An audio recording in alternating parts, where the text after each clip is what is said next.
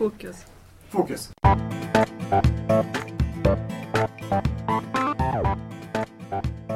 Hej och välkomna till Lärpodden. En podcast i samarbete med Barn och elevhälsa skolutveckling, Medietek Sundsvall och Skönsmo skola. Vill ni veta mer om programmet, gå in på pedagogsundsvall.se larpodden. Och skriver ni om oss i sociala medier, använd gärna hashtag larpodden. Hej Anna-Lena! Hej Mattias! Det här är avsnitt 10 av 10. Ja, ett väldigt, väldigt spännande avsnitt när vi om en liten stund kommer att presentera vår hemliga gäst. Ja, precis. Vi har en intervju idag, en, en så kallad, ja, så kallad, en Skype-intervju idag. Eh, ljudet kommer vara därefter. Det får vi leva med. Ja, det får vi leva med. Och det är, det är lite som det Tekniken har inte varit helt med oss. Mm, I vårt digitaliseringsavsnitt. så kan det vara. Ja, välkommen till Lärpodden Karin Nygårds. Tack så mycket. Och det är du som är vår hemliga gäst som vi har puffat för nu i några avsnitt. Det var trevligt. Ja, det känns jättekul. Kan du berätta lite grann vem du är? Vad ja, du, vad du det är klart. Eh, ja, jag heter Karin Nygårds och jag är lärare eh, i grunden men eh, jobbar inte som lärare sedan två år tillbaka tyvärr. Jag har fått fullt upp med annat jag började att undervisa mina elever i programmering på mina svensklektioner för fyra år sedan när de gick i fyran. Och efter det så kom jag liksom in på det här med programmering och digitalisering av skolan och har jobbat intensivt med det eh, sedan dess. Och eh, just nu så håller jag på och gör andra säsongen utav URs program Programmera Mera. Ja. Som är ett tv-program om programmering. Härligt! Eh, ja, det, det, ligger helt i linje med hur vi tänker nu inför sista avsnittet, eller i alla fall sista avsnittet för säsongen. Vi får se hur det blir, om det blir en förlängning. Eh, för att det, det, är ju digitalisering som ska vara fokus på det här avsnittet. Så det, det, är perfekt så. Vi tänkte vi skulle prata lite grann om eh, IT-strategin, nationella IT-strategin som en inledning. Eh, för att som jag har förstått det så har du ändå ett litet finger med i spelet. Du har varit med i referensgrupper och så kring det här, eller hur? Eh, ja, det har jag. Jag är inte helt ansvarig för, för eh, framtagandet och skrivandet. Men jag har varit med och tyckt till om innehållet. Det har jag gjort. Mm. För det är ju en, det är en markering då där man verkligen sätter digitalisering i ett annat fokus än vad det har varit i förut i, i, alltså i Lgr 11. Så ser jag det. Eh, ja. Verkligen. Och I stort sett alla ämnen har ju nu eh, digitalisering uttryckt Ehm, till och med som begrepp. Eh, och vad, vad, känner du för det? Jo, men det, det, var ju någonstans nödvändigt. Vi hade ju, jag, det var ju några år sedan så gjorde vi, jag och min kollega Therese Raymond gjorde en hackad version av läroplanen som vi kallade för Teacher Hack. Där vi förklarade Lgr 11 ur liksom dagens samhälle. För vad jag tycker då, och, och där kontaktade jag Skolverket och pratade med dem också. Eh, och, och de var helt med mig att med den Lgr 11 vi hade så gick det fortfarande, så för att man skulle uppfylla eh, Lgr 11 så var man faktiskt tvungen att jobba med digitala verktyg och den digitaliserade delen av samhället eftersom den är så otroligt eh, framträdande i, i vårt samhälle idag. Mm. så går det liksom inte att backa för digitaliseringen. Så innan vi fick det här beslutet om den digitala agendan och eh, det här med inskrivandet av programmering så var Skolverket helt överens med mina tankar om att det här redan finns idag. Och att liksom i det här första kapitlet där det säger vad vi ska göra och så i kapitel två där det säger vad vi ska ha för kunskapsmål och sådär. Är det så tydligt att vi, mm. vi kunde faktiskt inte bortse från digitaliseringen redan utan de här liksom, skrivningarna. Men vad vi märkte då, eh, dels genom jobbet med Teacher Hack där vi faktiskt förklarade varje ämne på vilket sätt varje ämne påverkas av digitalisering och då när vi försökte implementera det här så märktes det hur otroligt stort eh, motstånd det är. Och, och, kanske inte bara motstånd utan kanske också okunskap. Att man faktiskt inte riktigt vet. Att man inte riktigt eh, har satt sig in i och tänkt efter hur mycket digitaliseringen faktiskt påverkar oss och varför det då är så viktigt. Mm. Tycker jag, jag, tänker, jag tänker att det, det, är märkligt att vi 2017 fortfarande pratar om digitalisering som någonting särskilt. Jag tänker att eh, att prata skola eller prata utveckling, samhällsutveckling och så vidare, det kräver ju någon form av digitalisering. det är mer norm i byggandet på något sätt. Ja, men det är det som är lite märkligt. Hur det kan komma sig att liksom just i skolan så, så handlar digitalisering enbart om appar och paddor och verktyg. Liksom. Och, och att man pratar om huruvida barnen ska skriva på datorer eller iPads eller om man ska läsa digitalt. Eller, och, men det handlar verkligen inte om verktyg. Vi måste ju bara liksom kunna foka om och titta på hur samhället ser ut och hur, det, hur vi påverkas av digitalisering. Och i och med det förstå att det, det är liksom ingenting vi kan välja. Det, är det, som jag tycker, det är märkligt och det, det, det är jätteknepigt faktiskt. För, digit, för mig så, för, så handlar digitalisering inte om enheter utan det handlar om, om ett förhållningssätt eller tankesätt kring kring lärande eller kring utveckling överhuvudtaget. Eh, fast när man pratar digitalisering av skolan så tycker jag att man, man hamnar ofta i det här med vilka verktyg man ska använda, vilka system ska man använda. Eh, ska man använda Bluebots eller Vibots? Alltså på, den, på den här nivån hamnar vi lätt tycker jag. Ja, men det är också för att det liksom är någonstans den första konkreta nivån som man kan titta på. Jag tror att eh, om, om man liksom... Det är ju den tydligaste förändringen. Jag vet att jag försökte, försökte få fram eh, ganska mycket att, att det här att vi kan faktiskt iscensätta eh, liksom det digitala sättet att leva i ett klassrum utan att ha några datorer. Mm. Alltså att vi kan ju uppmuntra ett arbetssätt där vi använder varandra som resurser till exempel. Det är ju liksom ett annat sätt än att man ja, att man helt enkelt ser på liksom arbetsgången på ett annat sätt. Så man också i en digital sfär mycket mer återanvänder annat material, man tittar på varandra, man frågar. Att det, liksom, ja, att det har en annan, ett annat sätt. Flödet är annorlunda mm. i ett mm. digitalt arbete. Mm. Och jag tänker att, för vi har, vi har haft tidigare avsnitt pratat om lärmiljö. Och då har vi pratat om eh, den eh, sociala, den pedagogiska och den fysiska. Och det, för mig är digitaliseringen lite som att snacka lärmiljö. Det är lätt att, att hamna i det fysiska därför att det är lätt att ta på. Och det är lätt att förstå, det är lätt att påverka och lätt att förändra. Eh, men att, att har man inte de andra perspektiven med så blir det ingenting mer av det. Men hur kommer man vidare? Hur kommer man vidare från snacket om vilka enheter och appar vi ska jobba med till att få ett, ett liksom pedagogiskt och socialt eh, synsätt på digitaliseringen? Mm, en liten fråga. Jag, jag, jag, tror att, man kan, att, att det liksom handlar om att vi måste lägga diskussionerna eh, på en annan nivå. Alltså att vi måste då ibland så kan man ju behöva få, för att vuxna ska fatta att de, man måste liksom lägga diskussionen att de handlar om sig själva liksom. Om vi börjar titta på ja, men vad, vad innebär ja, men det är mycket diskussion om avlyssning nu till exempel. Många vill ha mer avlyssning på grund av att man är rädd för terrorister och sådär. Ja, och vad händer då, då om vi börjar om vi, om vi börjar tillåta avlyssning av vår liksom, IT-trafik mer, alltså för att man ska liksom, mm. regelrätt liksom, ha, ha liksom, typ rapporteringar och filtreringar och sådär. Ja, vad, vad, får vi då för samhälle? Om, om, vi är övervakade och alla våra åsikter registreras någonstans mm. eh, och att vissa åsikter ska filtreras bort.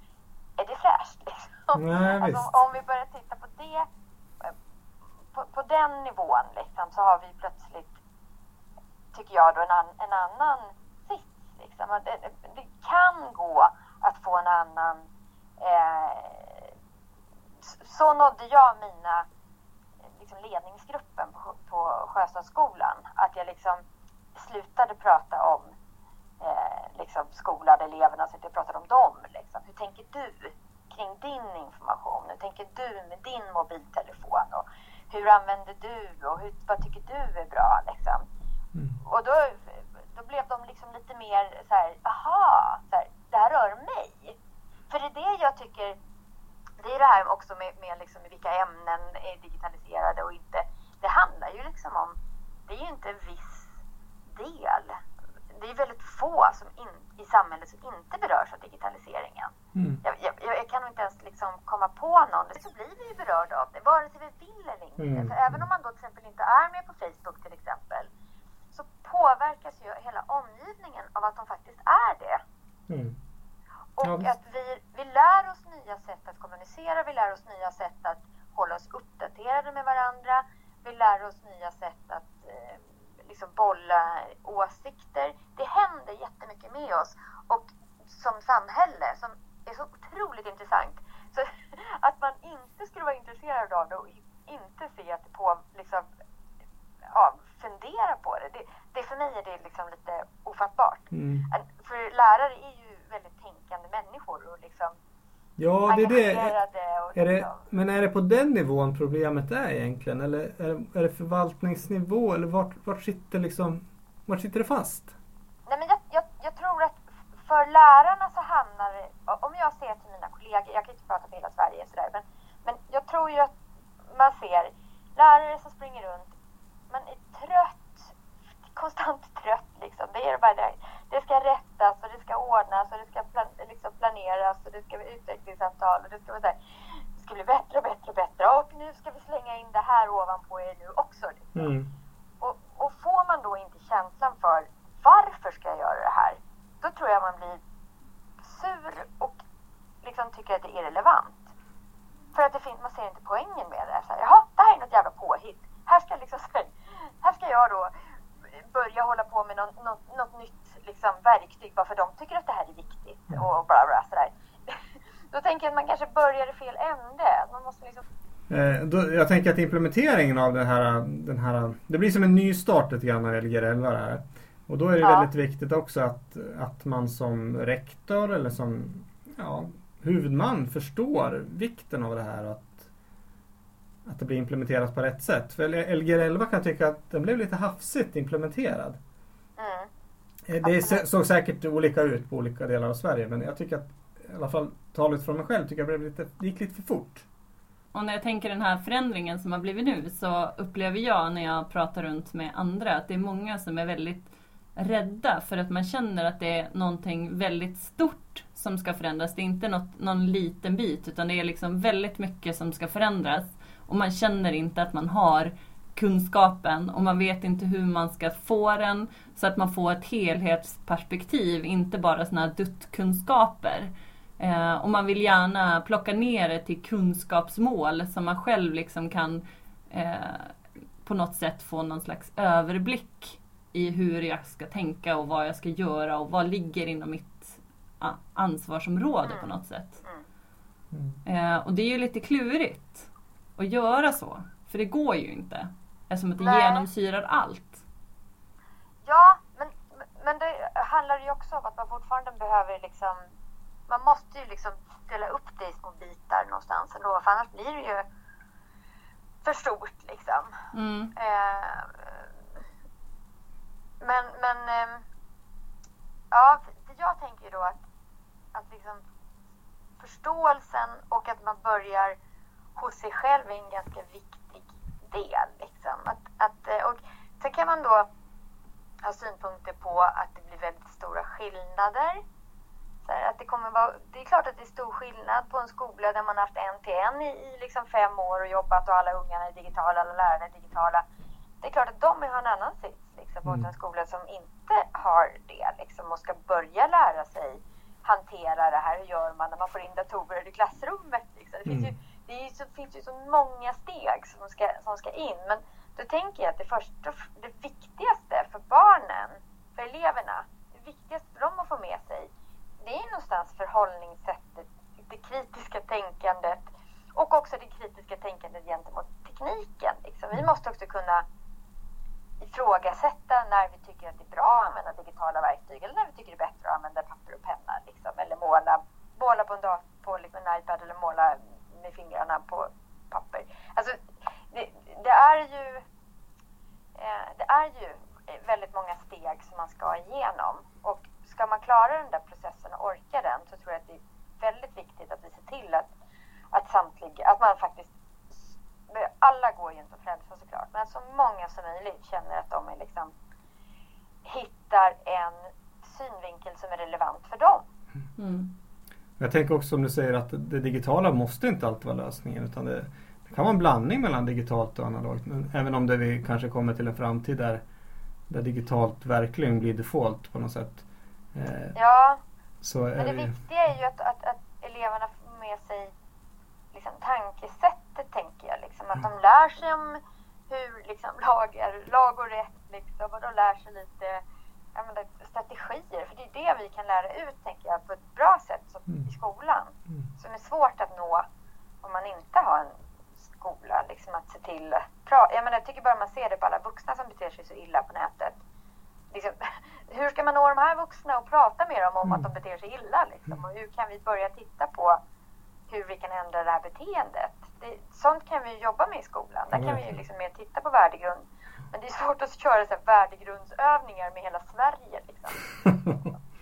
ja. När det känns som att det är ganska många i liksom, åldern 35 till 60 som har problem med det. Liksom.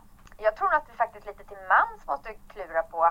Jag tänkte på det i morse bara. Jag gjorde något roligt skämt. Drev med någon kompis som har lagt upp en grej på Instagram. Så kom jag på efteråt så här, för jag dissade hennes musiksmak. Så tänkte jag, varför var det där nödvändigt för dig att göra mig lustig över hennes musiksmak? Ja, jag fick säga, känna mig lite smart ass liksom. Men bidrog det till något roligt? Liksom, i, egentligen? Blev hon gladare av det? Nej, jag kanske måste lära sig att alla, liksom så här, när man ska vara lite rolig på andras bekostnad, det kanske inte är så himla kul. Mm. Det kanske är någonting som vi behöver, och just att jag kanske inte alltid måste kommentera även om jag har en kommentar att skriva. Jag tycker att sociala medier har förändrats ganska rejält. Jag, jag kan ju själv säga att jag, jag är likadan där som dig. Att eh, man, man tänker inte till utan man ska vara lite rolig. Lite så här, ja. Eh, men i början, alltså när, när man började med sociala medier, då var det, tycker jag i alla fall, i de kretsar jag var, att det var mest positiva tillrop och så här, åh vad kul och härligt, bra jobbat. Men nu är det ju en råare ton på sociala medier och det är som du säger, man bidrar kanske själv med det när man är lite ironisk och sådär. Ja, jag tror att jag väljer mitt flöde ganska bra. För mm. jag tycker faktiskt att jag har ganska, ganska snällt fortfarande. Eh, men det sägs ju att det har blivit mycket råare ton. Kanske för att jag har, har liksom valt att plocka du är förskonad. valda delar. men jag tror att det är en tanke också att, att eh, man har fått någon sån här en, en stor arena där man kan framföra sina åsikter och få alla att tycka som mig. Man har lite svårt att acceptera att vi faktiskt kan se på saker olika och då blir man väldigt upprörd och så kommer det som man själv tycker är väldigt konstruktiv kritik fast man använder kanske lite fel ordval. Mm. Och jag tror det är det man upplever som att tonen har blivit hårdare. Absolut. Jo, nej, men det finns ju mycket och, och, och det här i, tycker det här är jätteintressant att prata om. Jag skulle kunna ha ett helt podd om det här tror jag. Därför att det finns liksom, det är så mycket spännande saker som händer med oss. Och, och att fundera på vad det sker i liksom flera led funderar jag också på. Vad kommer hända när vi har det här sättet? Vad händer med våra liksom, bekräftelsebehov? Hur, vad händer med våra samtalston i det fysiska rummet på sikt när vi har fått en förändring? Mm. Jag märker till exempel att jag märker att folk är mycket mer benägna att eh, strössla komplimanger. Mm. Och det tänker jag är en liksom är någonting som kommer från liksom like-kulturen. Mm. Att man liksom har blivit bättre på att säga vad snygg du är i håret. Därför att vi är så vana att säga det i de sociala medierna så det är så lätt att trycka like när någon har lagt upp sin nya frisyr. Mm. Och plötsligt har man upptäckt att det där är ganska trevligt. Och så har det liksom Ja, eller så har jag helt eh, bytt om, om umgänge eller så är det mycket, mycket snyggare håret. jag vet inte. kanske men, det. Men jag har märkt Tacka frisören. ja, ja, det kanske är så. Men, men liksom i så många speciella sammanhang som, som jag har noterat det här, att det finns en annan och att jag själv också har en benägenhet att säga till någon på bussen att gud vilken snygg jacka du har på dig.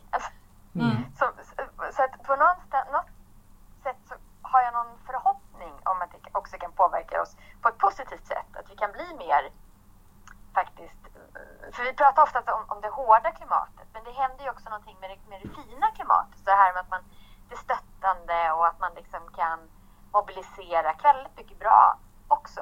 Men Mm. allt det här är ju digitalisering. Och det är ju det som, det, det, det är de intressanta delarna av digitaliseringen. Mycket, mycket mer intressant än appar. Ja visst. Det, det, då hamnar vi där att digitalisering handlar om människor och förhållningssätt och möten på något sätt. Ja, jag är i alla fall jättenyfiken på att höra lite grann om eh, programmera mera. Hur har, Ja. hur, har, hur går det och, och hur har själva första säsongen tagits emot? Och, ja, berätta. Ja, jo, nej men jag tycker väl att, att det har gått väldigt bra med Programmera Mera. Eh, och det är jättekul tycker jag. Det är många som, som känner att de har haft hjälp av programmen och lärarhandledning och så. Att de tycker att de har eh, ja, kommit igång med programmering och att de vågar testa och sådär efter programmen.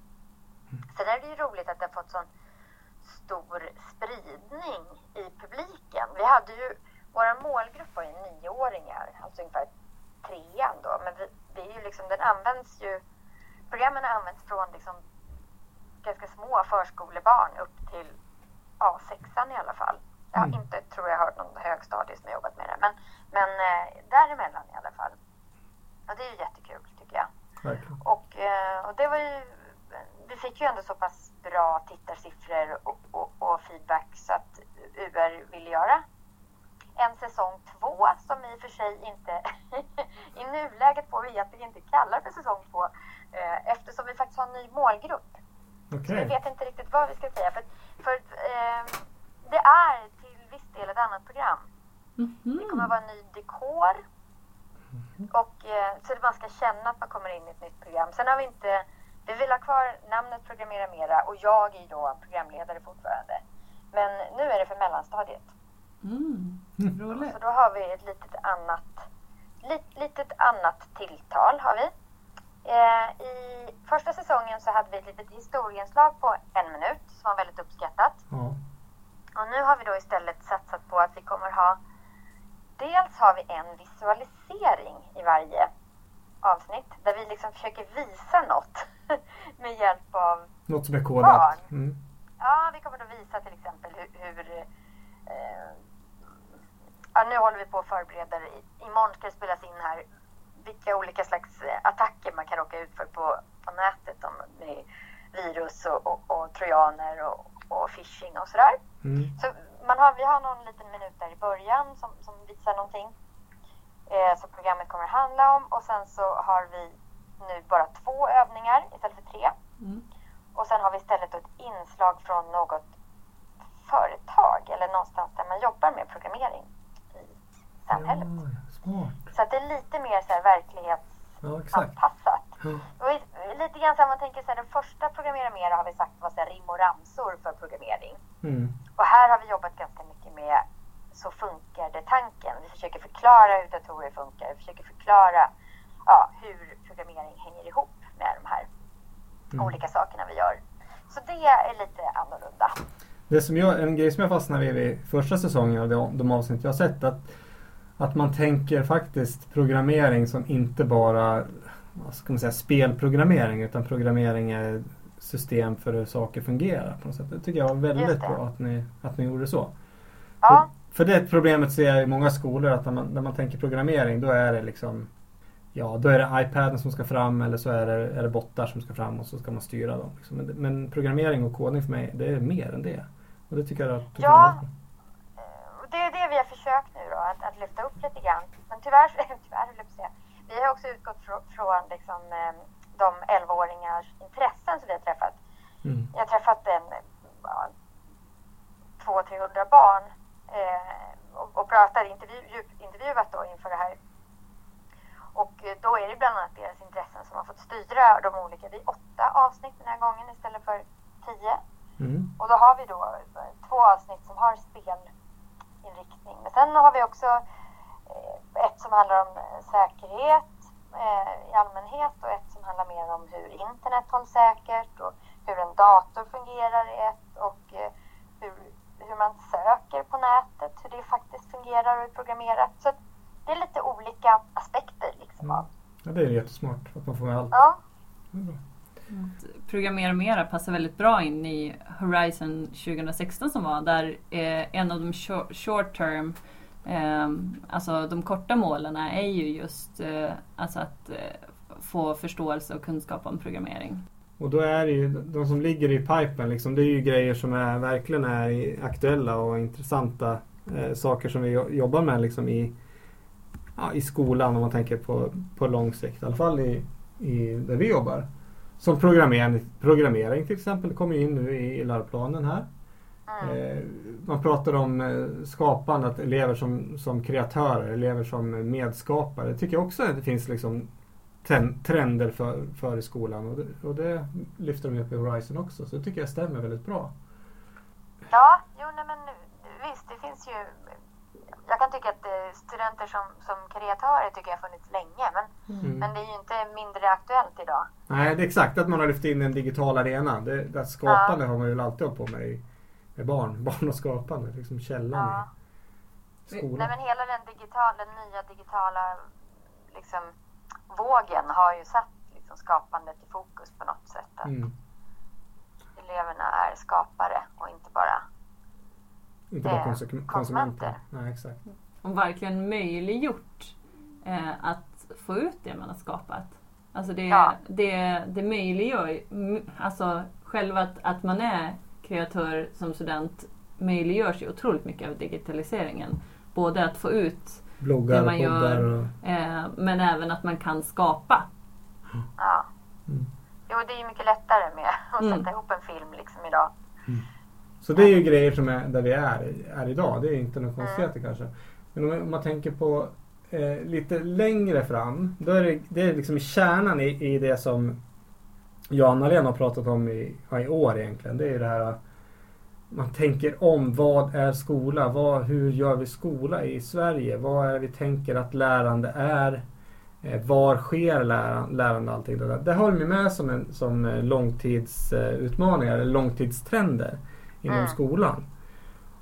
Och där känner jag så här att eh, vi behöver komma dit för att det verkligen ska ske någonting. För vi, jag, jag tycker vi står och trampar i något läge där det blir liksom ingenting riktigt. Utan vi håller på och tycker saker visst. Men, men det tar aldrig fart riktigt. Och jag är rädd att den här digitaliseringsplanen, att det blir en samma sak. Att man, man gör som man alltid har gjort och så, ja, så händer det inte så mycket mer. Nej, men där, liksom riktigt vad det är som egentligen... Jag tror någonstans ändå att när det gäller liksom våra barns liksom kunskapsinhämtning och, och, och tankeutveckling och sådär. Jag, jag tycker nog att det är ganska klokt att vi inte bara radikalt liksom kör unschooling liksom. Oft, ofta när vi pratar så har man ett ganska så här, medelklassperspektiv någonstans liksom. Och så har vi, har vi ju rätt många ungar i Sverige som mår dåligt liksom, och som har dåliga förutsättningar för att ta sig an liksom något slags modernt lärande eller liksom skapande och hela den här liksom någon slags inre drivkraft och, och, och liksom. Och det tycker jag kan vara ganska svårt. Jag har lite svårt att få ihop de bilderna liksom att hur hur en helt ny radikal skola skulle funka för dem. Nej. Men jag... alltså, I alla fall man, man pratar mycket om, så här, om, om vuxna, det här livslånga lärandet och sådär. Man ska liksom någonstans hela tiden drivas av någon slags lust. En lust alltså, men, det är jäkligt mycket i livet som inte är så himla lustdrivet. Mm, liksom. Och ganska många människor som, som kanske kämpar med att komma upp på morgonen liksom, och, mm. och, och se till att man får mat på bordet. Och jag tror inte, alltså den utmaningen kommer ju bara bli ännu större med vår stora migrationsproblematik och liksom. Det är inte så enkelt. Nej, då hade, det, då hade det hänt mer grejer kan jag tänka mig. Ja, jo, men och, och, då vet jag, då, då tänker jag också att det, för de barnen, alltså det är ju en väldigt stor skillnad på, på barn som kommer från hem där man liksom har mycket samtal, man läser böcker och är liksom väl insatt och, och barn som inte är det. Liksom. De har plötsligt inte... Alltså det finns rätt mycket så här, baskunskaper som saknas för många barn. Jag tänker som att jag de tror är här... så här nödvändigt för att man ska kunna vara kritisk till exempel. Ja.